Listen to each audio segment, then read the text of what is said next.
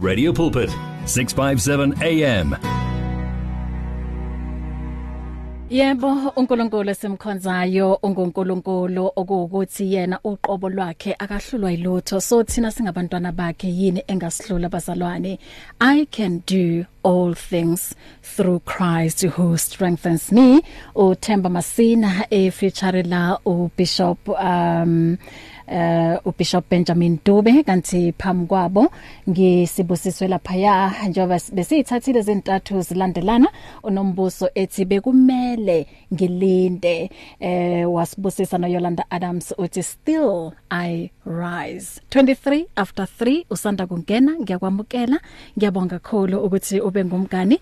Ngiyabonga kakhulu ukuthi ube ngumsizi wansuku zonke. Njengoba ngishilo ke ukuthi uma ngibuya eh nginomama la umam Mamsi eh Ndlalane. Ungubani umama Mamsi Ndlalane?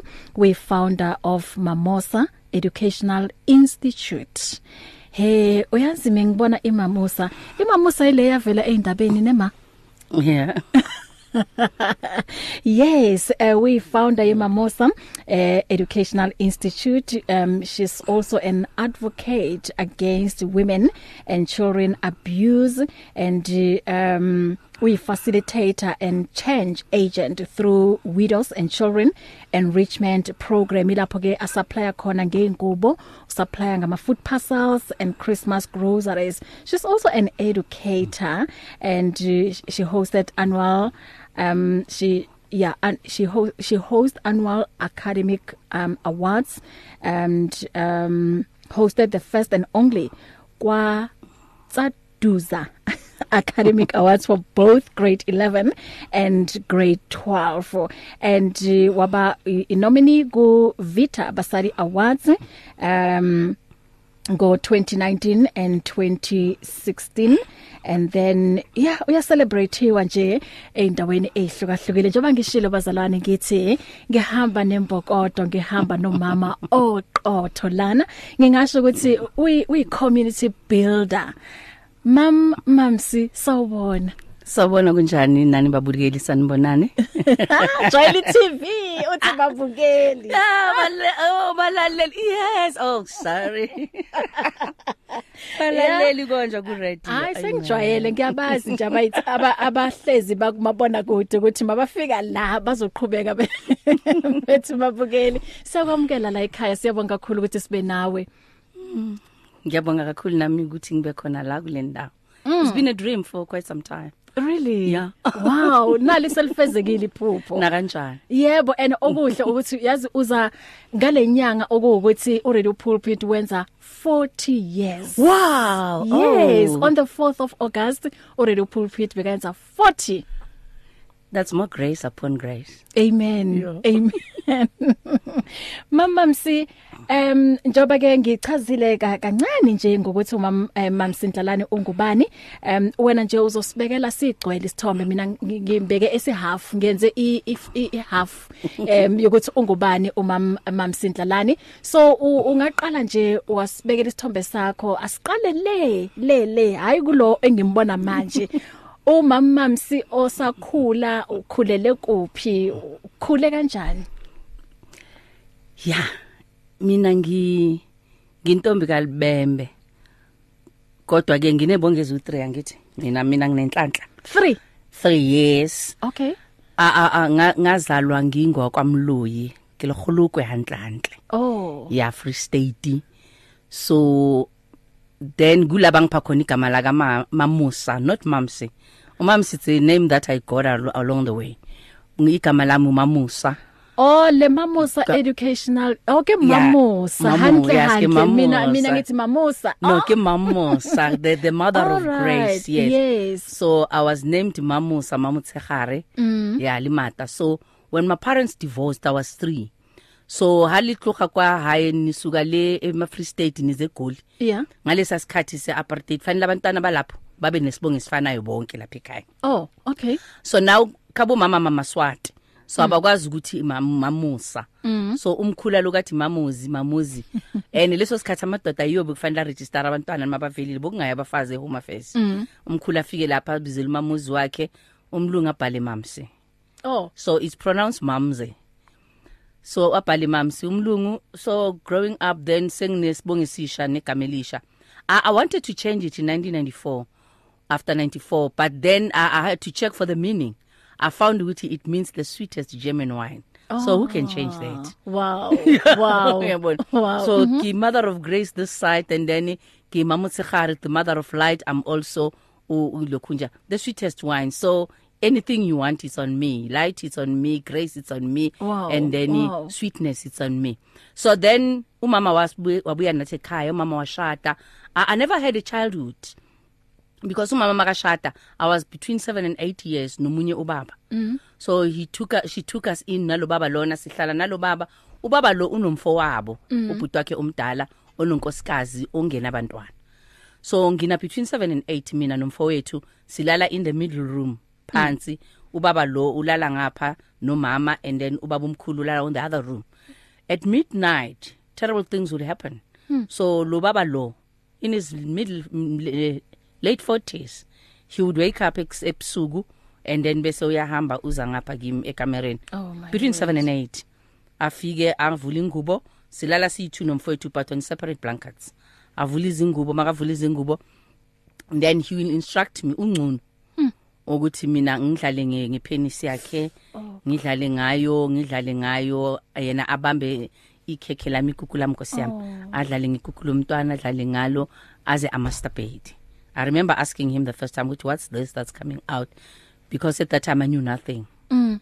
so wathi kimi you shut up ngizokubulala and you shouldn't tell anybody so, So balele laba abanye phezwa lutho. umama ulele on the other thina siku middle room Mm. so umama ungapha kule room elingapha no, no stepfather wami mina ngilala nomfowethu umncane kimi umfowethu Mm. so mina if ngi 7 and 8 and i was about besishena 2 years Mm. so like bo bo, bo 5 years 6 years mm. so then he would do that and then after masturbating bese uyahamba ubuyele roomini lakhe Mm. he did that for i think for more than or almost a year umama waye very careful ebusuku ngathi bekavuka njalo azosichecka ukuthi si right tuck us in but kusho ukuthi bekamtimer mm. so this other night kusho ukuthi watinekeza ke umama wadibana nomama kusho ukuthi waye late or umunye waye late or umunye waye early i don't know badibana ke nomama and then thina sibona ekseni masivuka uyathutha nonkosikazi wakhe bayahamba Mm. kanti umama uye wambona eza ngapha engcono Mm. so i only knew that when i was 45 years umama sekaphunyukelwa in her early 60s ukuthi kwayenzakalani on that day yabona Mm. and the, the pain that i carried all along was that if mom could have asked me ukuthi uke nje wasondela because he was so clever bekangangipenetrate. Mm. and umama bengibona njalo uyangipenya wephenya uphenya phenya uyangichecka so there was no penetration. So mother wouldn't know ukuthi kukhona into eyenzakalayo Kwenzakaleni. but engqondweni ngamoshakala. Mm. ngikhula vele sengimoshakele and iwari kwaba ukuthi ugcine ngami na or kwabanye abantwana uchubekile wayiqala ngami na or nakwabanye bayachubeka but then that's the that, that's that, that's the story sami ngiseseni intombazana then i grew up then ngase ngiba that, that bitterness i never wanted i hated boys but i wanted to be a boy Mm. I never wanted to be a girl. I took out karate esikoleni nje bengihamba nabafana ngindlavini nje shaya karate kuphela. So boy tomboy. Bengi tomboy. Yeah. Yeah. Beng bengi tomboy of the time. Mm. I did karate and then ngaze ngafika secondary vele nginalento leyo. Unfortunately at 13 I found Christ. I got born again so I thought ah my problems are maphelile but when you are in Christ all the old is gone the new mm. has come mm. and the yonke into uNkulunkulu uzokuvikela so I, I thought I found that protection I found the father kanti no even when you are born again this is what Christians should know Yeah. when you are born again ngathi kula kuba worse khona Mm. and abanye abantu that's why base bayamiyeka uNkulunkulu ukuthi uNkulunkulu because after being born again the worst things happened in my life so seng seng born again i'm doing standard 7 which is grade 9 this time utisha attempted to rape me. Mm. so ngiyabaleka from uteacher ngiza egoli ngizohlala noma mkhulu wami ukuthi ayangihlala noma mkhulu because i wanted to to get education. Ngizoyenda standard 8 ngapha kamamkhulu. Umamkhulu udadwa bomama lo omdala. Mm. unomyeni wakhe umyeni wakhe unabo 70 something. Ngihlala nomamkhulu. After 2 months the same thing that happened to me ngina ngina ngina 7 iyayenzakala ngapha sengina 15 16 ubaba omkhulu lo ushiya umamkhulu ekamereni uza la kimi mina ngilala ekitchen phansi. Ufika la ekitchen phansi. That time ke umoya ongcwele uNkulunkulu wayesengithanda kwakuthi nje makazongena nje makazosondela kimi kube nento ngathi yangithinta ithi vuka! Mangithi ngiyavuka nangivela ume phambi kwami ungcunu naye. Mawuthi uyabheka and then what ayenze le sign yokukhombisa ukuthi yabo lengathi uzokuhlinza. Yeah. Yeah and then you do those signs. And then it happened for about two three four months. So the bible says whatever you ask is what you get. Yabona there's power in our tongue. Yeah. whether it's a positive thing or it's a negative thing. Yeah. so i got tired of these things. Zokuthi manje lana lana ngithi ngisafe i'm not safe and i'm born again and nothing is still the same thing. Ac- actually it's worse. Mm. and ngifunda isikolo and i want to go to school. Then i said yazini ngifuna utsotsi nangathola nje isigebengu nje yabona ipantsula eli1 ngiyazi ukuthi amapantsula ngaleso sikhathi kithi bekusesa amapantsula abantu abasatshwayo. Hey you know what? Angalithola ipantsula sisi ngalithola ipantsula hayi ngasithola ipantsula elisatshwayo vele lazwayo lokushini amalokishi wethu bwamancane so mawubhekwa vele bekuvele kwaziyo ukuthi hayi ah, umama sivele wakazibani bani ilokishi lonke. Ha mama sikazibani bani vele ke so abanye abafana basakwazi ukushela. And bekayipantsula ne? Then ah kwaba right ipantsula lami langiphatha kahle first 3 4 months al- alifundi ipantsula lesebenza lidadla nyani ipantsula then after about 3 4 months sivakashele kasisi wakhe first time silale nepantsula 10 minutes boom i'm so pregnant. Oh my god. 7 16 or 16 uh, uh, yeah towards 17 mm. yeah well, i think i was 2 months towards 17 Mm. then i'm pregnant. Then ngihlala lapha kalo baba omkhulu but ke in a way it helped me because during that pregnancy hey ngake ngaphumula yabo ngashaya umoya bekangezi a- azongihlupha because bengipreg Mm. because bese ngilala kabuhlungu bengilala ngaphansi kwetafula ngibeka itulo around itafula. Ngilale ngihleli ngamadolo aso ukuthi makavuka ekamereni makeza ngapha Athi- Angathuki. angakhoni ya ngisabu ngiyazi ukuthi angeke adonsa itulo zizoba ngumsindo. Mm, uma mkhulu uzozwa ukuthi hayi there's something that is happening. I used to sleep like that for months and i couldn't go back le khaya cabanga khumbula ngibalekile le kagogo besikhuliswa ugogo thina. Mm. umama ahlala emakhishini. Ngibalekile le kagogo ngibalekele lo yathisha lo ya wama secondary lo bekafuna ukungirape so ngila manje kuyenzakala lokho and ngifuna uqeda isikolo mina phela. Siyahlupheka ekhaya. So i got pregnant ngaba ne break in relief ye 9 months. Umntwana wavela ngaba ne relief then i was upgraded from dining to, to from kitchen to the dining room. Sengilala dining room. Umntwana una 3 months. One night just about midnight then ngiva ngathi iphenti lami ladabuka then i jumped. Mangijumpa ngiyamemeza yay mangithi my cousin was on me and then double iphenti seka double iphenti lami sekahleli lapho. And you're Uhleli. pregnant ngaleso sikhathi? Nginomntwana sekana 3 months. Oh sakana 3 sakana 3 months ubaby wami. So ngimemeze mangimemeza everybody got out of amakamero baphume babomkhulu na ngiyaphuma noma mkhulu and my other cousins. Nobody said anything. Babheka nje bazithulela bazidlulela babuyele emakamereni. Wasukumela naye if nothing happened wahamba then the following morning babomkhulu wami wathi kimi ngicela upakishe impahla zakho uthuthe uphume uhambe la kwami. Nginomntana omncane. Hayibo. And uh, isigebengu ithi sihlawulile yabona? Isigebengu sona mara sihlawulile siphathi okap mara uye wahlawula la ekhaya. Mm. and uyasupport usigebengu umntwana. Angikwazi ukuthatha umntwana ngihambe naye e- elokwandebele kugogo Mm. ngitshela umamkhulu mamkhulu phela ubaba omkhulu uthe ngihamba athi akufanele uhamba ngisho uzohamba utshela abantu ukuthi umntana mbe kafuna ukurape Mm. Then it rang to me ukuthi kusho ukuthi mhlawumbe umamkhulu bekazi nokuthi nobaba omkhulu uyaphuma ngale. Because bebalala boyi2 ngeke ungazi ukuthi umuntu ebusuku njalo uyaphuma Yeah. ayiko futhi bekazi ukuthi mhlawumbe ubamkhulu khona into ayenzayo. So wayesabela ukuthi mhlawumbe mangathi lo ngizobe sengiveza naye babamkhulu naye bamkhulu futhi wayesabela ukuthi hey manje ngumuntu lo sekazokhuluma and sesizovela sonke. Mhm. Angisana ndawo yokuhlala ngifuna isikolo because i always wanted to go to school. Ngifuna isikolo ngapho phethe umntwana omncane. Nginomntwana manje omncane. Naye enye inkinga nginomntwana omncane. Ngapha ngithi ngisindisiwe mara ngapha kwemntwana omncane. Mara sengibuyelele kuNkulunkulu. Angazi angazi yabo ngibuyelile mara kuNkulunkulu. Mm. nginomntwana omncane mara sengibuyelele kuNkulunkulu. So anginandawo yokuhlala. Ngitshela isigebengu isigebengu sithi hayi ize ekhaya vele mosingihlawulile. Ngisho vele yazi loba mawuhlawulile kufana nokuthi ush- ushadile. Yeah sengihlala nesigebengu ngibo. Siyahlala siyahlala. Umntwana uyakhula and then sengifuna ukuya esikolweni ke the following year because bengithathe i-break yonyaka. Mase ngifuna ukuya esikolweni athi mama khaya hambani tuthanda kami. Sathutha vele sihamba sohlala ke sisoyi2 emqashweni. Then ngiyele esikolweni ke nyongeza standard 9 which is grade 11 Ngin- i was very bright at school. Basho njalo angasi mina i say it's always grace. I was very bright. Bengiphasa ngam I was a- an A student. But the worst part of it was that each time ngiza ne report ukuthi ngiphasile kahle ng- bengishaywa. Mm. ngishayelwa ukuthi ngiphasile because angiphasanga ngoba ngizifundele. Ngiphase because ngilele nothishara oh so i would get beaten njalo nje ukuthi ya ufanele ukuthi uphase musa ngisho ulala nabo tishara esikoleni. Mm. so e next door i dustbin yakhona bese kuyi room lami lokulala. Mangazi ukuthi vele ngizoshaya ngiphethe ama report bese ngazi ukuthi awuzofika ngishaye vele ngihambe ngene ngilale vele. Maqala ngena qala banomsindo ngibaleke ngene i dustbin yase next door bese ngilala khona. Then look up in the morning then ngiyogeza ngihambe ngesikolweni so esikoleni ngiya ngo6 ngiphume ngo4 ngifunde before in advance after school ngiyenza ama homework ngicela right fast forward ngiphase tolling exemption go went to the university i got three bursaries i could maintain ekhaya ke ugogo ngaleso sikhathi. Sengi free manje senginama bursary sengise university Mm. first year ngisesenasi isigebengu. So mangiya ngijabulile futhi first year ngifunda ngebursary ne? Fanele uphase phela mafunda ngebursary Yeah. Ngiloko ama ama report bebaposa iyafika report bayiposile. Ha mama suphasile mayifika report ngiphasile angatrajwa shem. Ayi ngatrajwa ngaphuka izimbambo ngikhumbula kahle ngaphuka izimbambo ngiphuka imihlathi ngiphuke yonke into nje ephukayo emzimbeni fanele ngibuyele esikoleni mina manje inkinga yini? Bengazi ukuthi ubufebe uzobuchubekisa nase 40 Mm. solala nama lecturer manje. Mina ama lecturer ya ngeke uzuphase university akuphase university yeah so i was that rubbish so I, i got new names.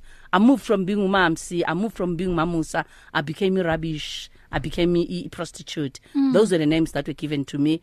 Okay ngasilahla isigebengu sengimlahlile ngachubeka nesikolo sami nokufunda. But unfortunately when i was doing on i was doing third year into my fourth year my four year degree ngathi bana wangitshela vele ukuthi akekho umuntu will have me if he, he can't. Mm. wahlangana nami he kidnapped me. Ngibuye esikoleni size emngcwabeni esowethu What was the reason ukuthi wena naye nihlukana?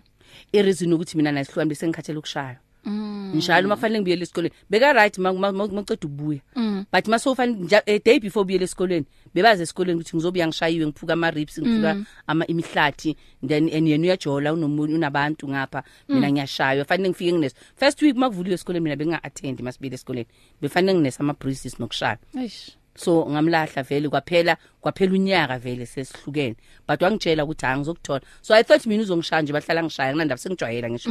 Makathi uzongithola uzongishaya and then waze ekhaya wakhipha isibhamu isibhamu sajema enhloko azange singidubule athi uyangidubula. Umusa kaNkuluNkulu ngakhona because angimanje bese ngichubeka ngiloku ngisini. Konke lokhu kuyenzakala ngisindisiwe sengikuNkulunkulu futhi i had a better relationship noNkulunkulu at that time manje bese vele nasesikolweni sengipreacher vele.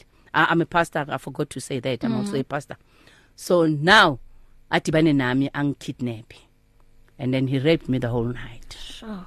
whole night wangirape. After i-incident yesibhamu. after incident Wabuya yesibhamu ngabuyela futhi. esikolweni mina. Yeah. yayenzeke ku June incident yesibhamu September holi- before ama holidays ka September size emncwabeni wadibana nami isibhamu angithi angithi wayethi ngidubula phakathi ekhaya ejardini angilandela azi ukuthi asinabhudi ekugogo ngiphumele ngaphandle wasibeka la uthi angidubula athi ngikhethe between yena. After sengimlahlile wabuya wathi khetha between mina noNkulunkulu. I said i choose my god. Ngakutshela kudala ukuthi now i choose christ more than any other thing. Wabeka isibhamu e- e- ekhanda sanxapha zange sidubule. Wangikapa ngaso ke wahamba. Wangirape and then ngabuyela esikolweni wangithatha ngibeke e- e- etraining the following morning. Ngabuyela esikolweni zangi attend iviki ngilimele vele. After 2 weeks the worst news came. I was pregnant with a child. So now sengisindisiwe the doctor gave me a choice. You abort the child or you carry the child and give him over for adoption or you keep the child. I i, I decided to keep my boy. But it was very painful. The church rejected me when i came back. Now it was no longer him calling me a prostitute. It was my church calling me sfebe. Esifebile sihamba sineyikolweni yofebe i became the sermon of most of the churches and most of the youth services in my church. I, I, I, I, I- I didn't leave church. Then i just took a break ngahlala and then went back to church. Because into angibisele esontweni i wanted my grandmother to know ukuthi lo nkulunkulu wamampela i wanted her to get born again. And i also had a personal relationship nonkulunkulu. I was not just born again at that time. Mm. that time besengifike kwi-personal relationship with god. Mm. so esontweni nje they rejected me. It was the most painful thing. Where i needed comfort needed love i was rejected. Because nobody asked me how did you become pregnant? Mm. The only thing was that you pregnant Because yebo unamagama ngithi bak- bakuphe yes. wona. Mhm. yeah mm -hmm. so now upregnant and then abantwana bala enkonzweni bebe- bebangeza abantwana basenkonzweni ekhaya batshela ukuthi bangayodlala nami zobafundisa ukuba nabantwana Mm. ba ba ba be- bengasayenzi next vele bebangavakashi the only time kwaqala ukuthi mabebuye kimi it was when bona sebakhulile sebawe sebabhema insangu sekuyibo benza izinto seba sebathi sebathi siyalingwa mina ekhaya zange balingwe Mm. mina ngangifebile so that was the worst time of my life. Sure. i hated my son. Cabanga fanele ngimkhulise. He grew up in a very very very bitter environment. Because ukuhleka kwakhe nje bekungikhumbuza ubabakhe So wachuza ukuthi umgcine. i chose to keep the baby yes, because yeah. angithi iBhayibheli ithi from useseyihlwile uNkulunkulu sekayakwazi. So I, I couldn't kill him. And I couldn't give him over for adoption I thought it would be very much unfair for him because yena bekangana cala I kept the baby. Ngabuya ngamthola ngaconvert degree yami. Manje angisakwazi phela bengifunda nge scholarship. Ngisaba ukuthi if ibuzzer bayezwa bazoyikhansela ngeke ngisaceda. So ngaconvert my 4 year degree to just an ordinary BA degree. Benginama benginama credits then I qualified for ukuthi ngigraduate earlier. Well ngenhlanhla zange babone they paid for my fees for the following year. Ngasala sengiyenze higher diploma in education. Ukuthi ngimane ngiphume nje ngifundise so wakhula kanjalo umntwana right I move ku this part of my life sahlukana ke and then sahlukana for quite some time then I got married oh Mm. You know, what? there, there's a chapter in my book that says from the frying pan to the fire. Sure. Yeah. Ithi ngicela ukuthi ngikubambe la kancane ka lapho before sizongena manje kule journey yakho yomshado.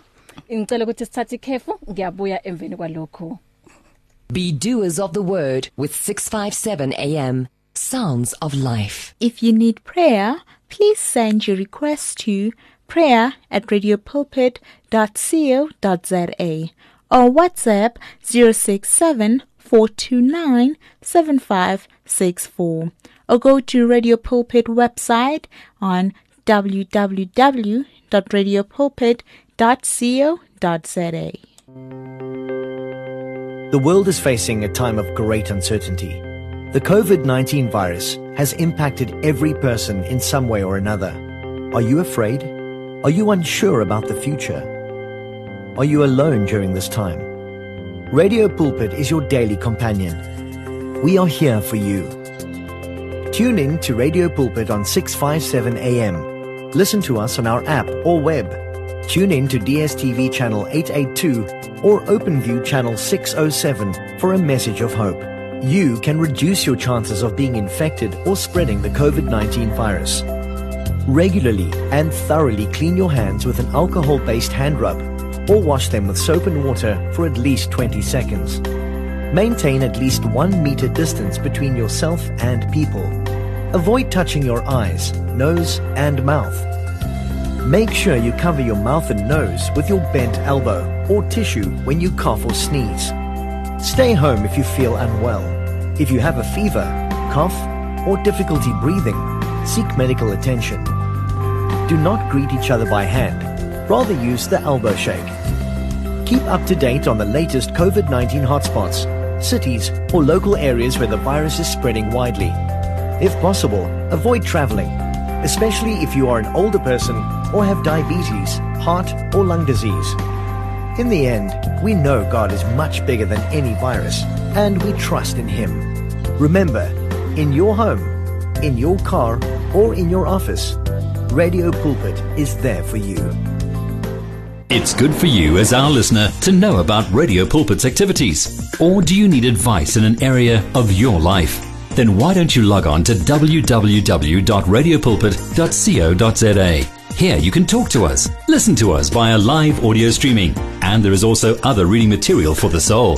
What are you waiting for? Visit the Radio Pulpit website right now. www.radiopulpit.co.za. Radio Pulpit, your daily companion. From your ear to your heart to your mouth to your feet. Join this life on 657 AM. Sila isigaba ke sesibili lesi sijula ezwini ngikanye no mfundisi uMamsi um Ndlalane eshare ke i testimony yakhe. Yo what a what a what a, a very painful testimony um mamamsi siyandlula eintweni siyandlula emlilweni. And uh, before, ke sizongena kule indaba usungenile manje emshadweni uma mhlawumbe uhleli phansi ucabanga ngokukhula kwakho ukuthi wakhula kanzima kangakanani.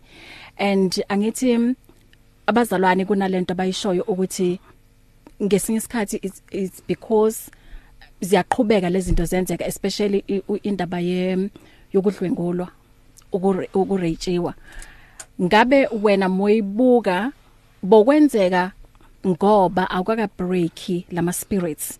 What's what's your view kule ndaba yokuthi you have to break ama spirits athizeni ukuze ungasakwazi ku attract lezinto yeah i i rape is a spirit.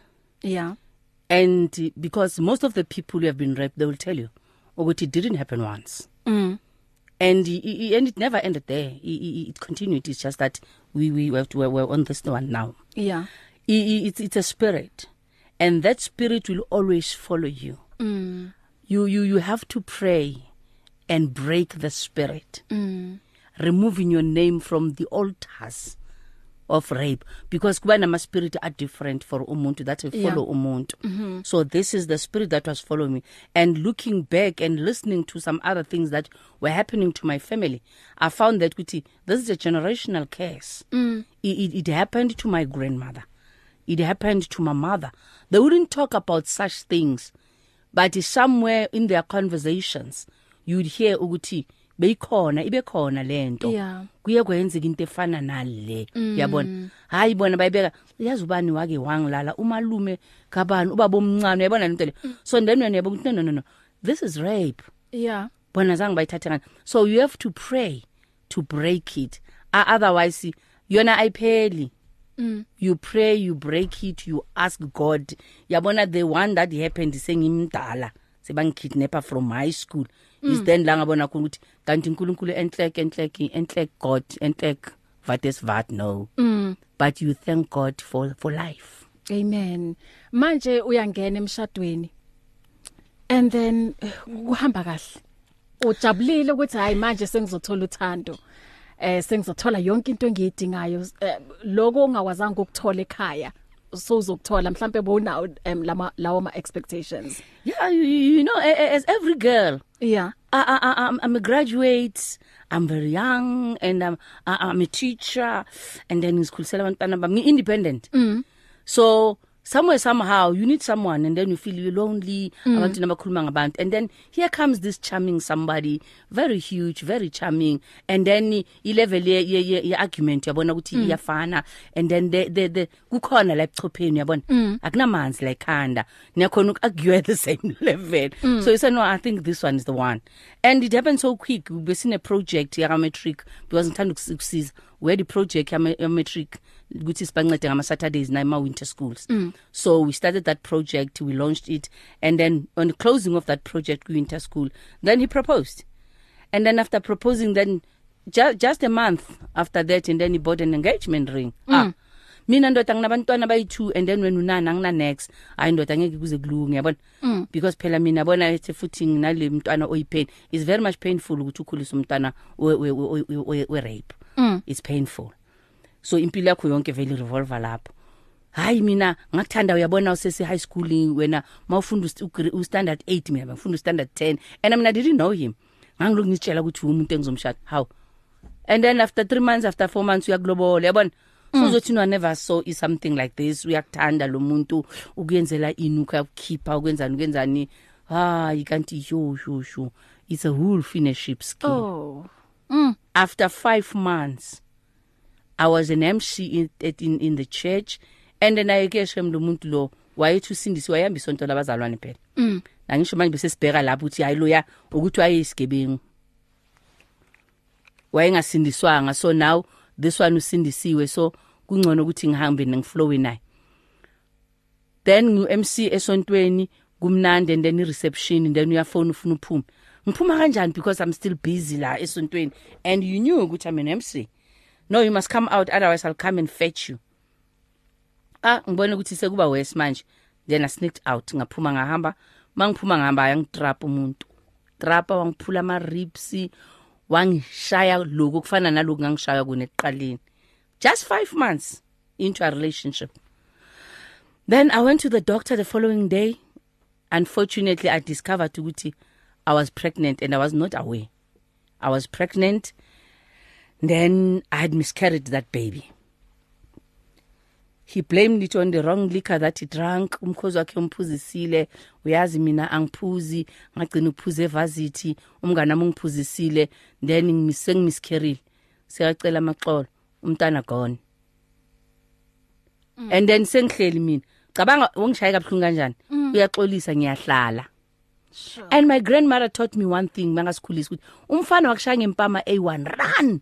Baleka. Baleka ungasabheki emuva. Yeah. mina ungishaye ngazi ngamiscare ngaphuka ama ribs sure. Oh ngahamba Dr Siyo bathi bo preg wena ah mina ndoda mina bengazi ukuthi ngipreg umntana sekaphumile. Ngachubeka ngahlala naye. The for after a few months wangishada sashada. Phezwa lokuhlukumezeka phezulu kwalokuhlukumezeka wathini wathi hayi mhlawumbe emshadweni kuzoba ngcono. Angithi aha. Yes angithi manje uyayibona lento yethu nathi s- sengisindisiwe manje. Yabona se phela sekalobulile and uyabona so uyasho ukuthi hayi mhlambe yazi usathana nangisinalento zokuthi hayi usathana ulingiwe ini ini uzaba right.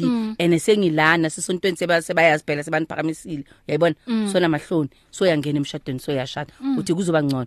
Ngiyakutshela kwaba ngcono i think for about a year 2 3 because in my 20 years of marriage 15 years was the worst horror well angazi ngiphile kanjani? I, I, I, I could have died long time ago.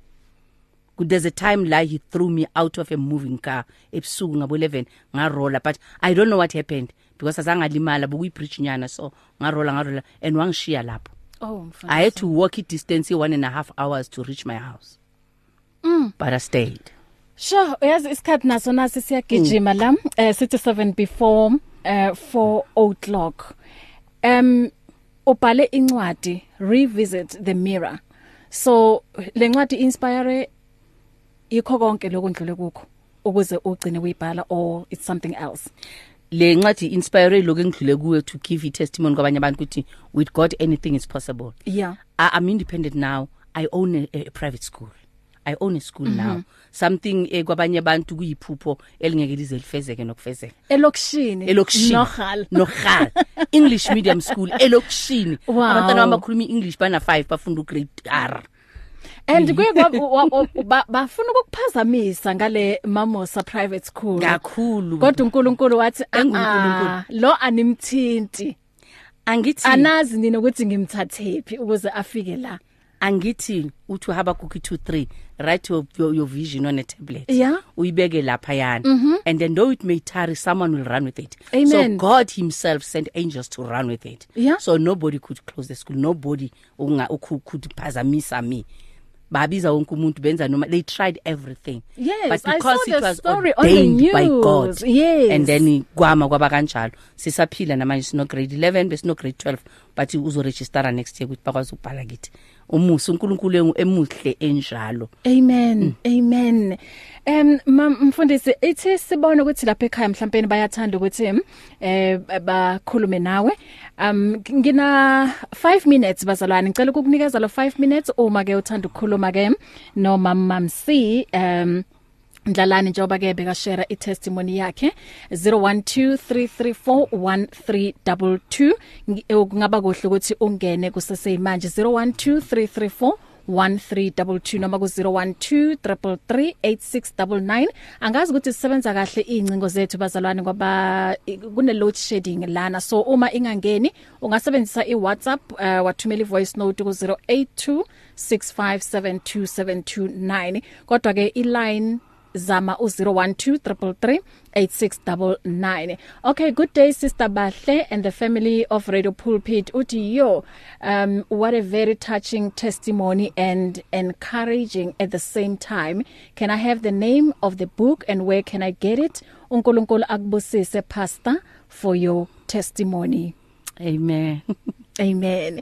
0123338699 ungisese naye la umfundisi kulo 5 minutes. So ngawusebenzisa uma mhlawumbe unombuzo noma ke nawe wandlula kulesi simo andlule kusona eh uthanda nje ukushare maybe eh, 2 1 minute nje udaba lwakho. Ya 0123338699 noma uthumela voice note ku 0826752729 eh ngiyabazi ke umndeni wala ekhaya eh mfundisi bazoshaya kusele a second. meze bafuna ukukhuluma nawe. And uyabona ukuthi ngiwa repeater kaningi kanjani ama number but i think it's load, it's load shedding. It's load shedding. Iya Yeah, delay ukungena ne? mm. yeah okay. Ithi ke sisalindile ngenze kanje. It's difficult to face the overwhelming pressures of life alone. Sometimes we just need someone to talk to, someone to listen to us. And what better way to do that than through a quick and easy WhatsApp text? Whether you're having a hard time coping with school, family issues, being bullied, depression, or anxiety, speak to someone who cares today. Send a WhatsApp message to 064 530 6805 or 074 995 9085. Our I Am Youth Counseling team, Charles Dudoy and Danny Vambili, are ready to connect with you today. Discover an abundance of life. 657 AM. So mama msinjoba ke bengisasho phambilini la ngithi hey mengibuka nje and futhi ngilalela nodaba lwakho um ngiyacabanga ukuthi eh, ezinye zezinto ondlule kuzona ziyeza kwenza ukuthi ube ngumama onguye nam- namuhla ukuthi you know angifuni ukubona ingane ihlupheka. Angifuni ukubona abantu bahlupheka. Wathi ngamandla enginawo uNkulunkulu amandla anginikeza wona em ngisize umphakathi ngoba ngiyabona kunama project amaningi okuwukuthi uinvolve kuwona. Em siqala la ku ku GBV eh u- unikeza icounseling for abantu aba abused nama rape victims and you assist dropout girls to go back to school. Ngiyacabanga ukuthi kakhulukazi laba okuwukuthi bebakhulelwe and then baphuma esikolweni umuntu akasanayo lento ukuthi ay umdlandla ukuthi abuyele esikolweni. And you you manage to save some girls from committing suicide. So impilo yakho iyona eyakwenza ukuthi uthi nami ngifuna ukuthi ngisize labo okuwukuthi aba ab- abazi ukuthi mhlawumbe bangaphuma kanjani ebunzimeni ababhekane nabo yeah uh, uh, when i discovered my purpose mm. i discovered ukuthi purpose yami emhlabeni is to serve yeah so indlela yokuserve is to help other people to be themselves and to achieve greatness in their mm. lives mm. so mostly girls because mina bengiyintombazana endlule kuzo zonke umuntu endlule kulezi zinto engidlule kuzo uma unganaNkulunkulu ngabe sengifile yeah ngabe So- ngazibulala nami mm. or ngaba ngaba iprostitute yamampela vele mm. but then abanye abantwana bese baba suicidal so mm. i assist them khona there's a girl who wanted to castrate umntana wakhe omfana afuna ukumsika ugwayi mm. because she was raped several times then makaqeda uzothola umntana omfana Oh. uyabona so each time akabheka lo mntwana abona lo gwayi walomfana kubuya that picture ye rape mm. i had to help that girl ngijumpe ngiyomsiza wasetsakana mm so ngab ngathi uNkulunkulu because we say purpose yami is to serve. Let me serve ngalendlela i help drop out drop outs from the university aba drop out bangakhona ukuphumelela baqeda ama degrees wabo. Ngiyaba assist to go back to school and then ngibaphe umsebenzi lapha esikoleni sami sibabhadalela ama registration bacedelela ama degrees wabo. Abanye sebabani about 5 yabo sebabu sebanama degrees bangenile ku mainstream bayafundisa basebenza kahle bahola kahle. Um u u- umama la uthi sister Bahle I can relate. Every everything she said was exactly what um I have experienced. Bayacela bandla ukuthi uma uzophuma la eh ubashiyele inamba yakho. So mam ms- mama sisi si- sizovala. Ungathini nje kuwo wonke umuntu um olalele kakhulukazi abomama njoba sikulenyanga yabomama. Um kwamanje njoba sikhuluma usahleli kulo yamshado ukuthi uyahlukunyezwa kubona usahleli ku that relationship in a hope yokuthi um uzoshintsha ngolunye usuku. Omunye uhleli um ulokalandelwa yilo moya we rape even namanje eh usahlukumezeka. Uthi angazi ukuthi ngiphume kanjani kulento ungathini kubona indlela yokuphuma kuzo zonke izinto it's Christ. Mm. ezinye izinto ziyaphindelela zisibuyelele because of the spirit of bitterness and anger. Yeah. uNkulunkulu mesefuna ukuintervene sihlala sibhitha because lento yenzakalile usabamba amaqhubu. Yeah. so uNkulunkulu cannot intervene. But once we release umuntu and forgive unconditionally umuntu angacelanga ukuxolelwa. And then siyakwazi ukuthi bese uNkulunkulu intervene ku situation yethu. Izinto zonke you go back mina I, I, I even had to sit down and write all my pain bonds because mangibhala incwadi bengihluleka ngeke ngahlala for a year, a year one and a half year ngingasakhona ukuchubeka you have to write those things down. Pray eh, one by one kuzo uzirelease zonke lezo zinto lezo. Because lezi zinto lezo they are attached to people's names. And then osahleli ngifuna ukukutshela ukuthi a lion a, a- a leopard never changes its spots. Yeah. angeke uze umsindise umuntu. Umuntu will change makufuna yena. I spend more than 15 years of my of my time ngithandazela umshado wami. Ngingathandazeli nami ngingathandazeli nengane zami. Ngitha ama ama diary wami wonke from 2003 up until 2015 bengithandazela umshado. Every year njalo makuphela unyaka you want to see change. Umuntu ngeke uzumchintshe umuntu uchintshwa uNkulunkulu and eh, into yangihlalisa kakhulu yilento yokuthi lie ukuthi eh God hates divorce. Yes God hates divorce. But uNkulunkulu akafuni is abuse siloma Amen. abusive relationship. uNkulunkulu akafuni futhi ukuthi eh uthi mangabe kune cheating involved lapha phakathi ungamiyeka umuntu unga- ungahlukana. Mawungafuni ukuhlukana naye there's a good advice ngayithola ku Dr. Sobwathi phuma ke separateani kohlale mhlambe uyothi mhlanga hlaphukelwa ke bese uyabuya. But I never did that. Ngalinda until egcineni ngabona ukuthi ayisebenzi lento angeke izingisebenzele and sisaba ne face yabantu because thina siphila manga. You go you preach and then abantu baya baya baya I, I would preach ma conferences across the country. Ngi conference speaker. Abafazi amishado yabo beyilunga. Mina mangibuyele ekhaya mabangihlise mm. airport bayangishaya ngiyo preach. Mabangilande airport bayangishaya ngilale nomfundisi. Mm. uyayibona? So abantu aba wrong sometimes sibashadayo ungazi ukuthi umuntu wrong sikhohliswa ukuthi umuntu usindiselwa ukuthi athone umfazi kuphela most yamadoda aba, aba, aba wrong basho ngathi mase ngifuna umfazi ngizoyisontweni Mm. And you know ku ku- kuthiwa uma umuntu ekubonisa ukuthi ungubani ukuthi Mkholwe. u- uyile nto ungamenzela ama excuse or ube in denial ngiyacabanga ukuthi iphutha esilenza esikhatini esiningi yilokho umuntu uyakubonisa ukuthi ngile nhlobo yepende kodwa usahleli uthi hayi kuzolunga. Okay ithi ngidlule ngama voice note la ambalwa. Oh u- usisirifilwe uthi god bless that lady sisibahle. Uthi i'm a drop out i want to go back to school. Uh, uthi how can you help her? Eh, njengoba ehlala ngale eCarltonville okay sizobuyela kuleyo ithi ke silalele la ivoice note ukuthi ke uthini? Oh, sizotha- sizodla nje kancane u 5 minutes kule final hour. Okay ithi sizwe la ukuthi uthini? Sanibona sisibahle no Pastor Mamusa. Siyabonga itestimony namandla kangaka. Amandla kaNkuluNkulu. Ngempela bakaNkuluNkulu badlula ezintweni ezinzima. Kepha njalo bayanqoba. Siyambonga uNkulunkulu. Hey ngempela izinto adlule kuzo pastor. Hey zinkulu kakhulu. Hayi nami ng- bengithi ng- ngiyayazi i- i- i gender based violence enje angikazi.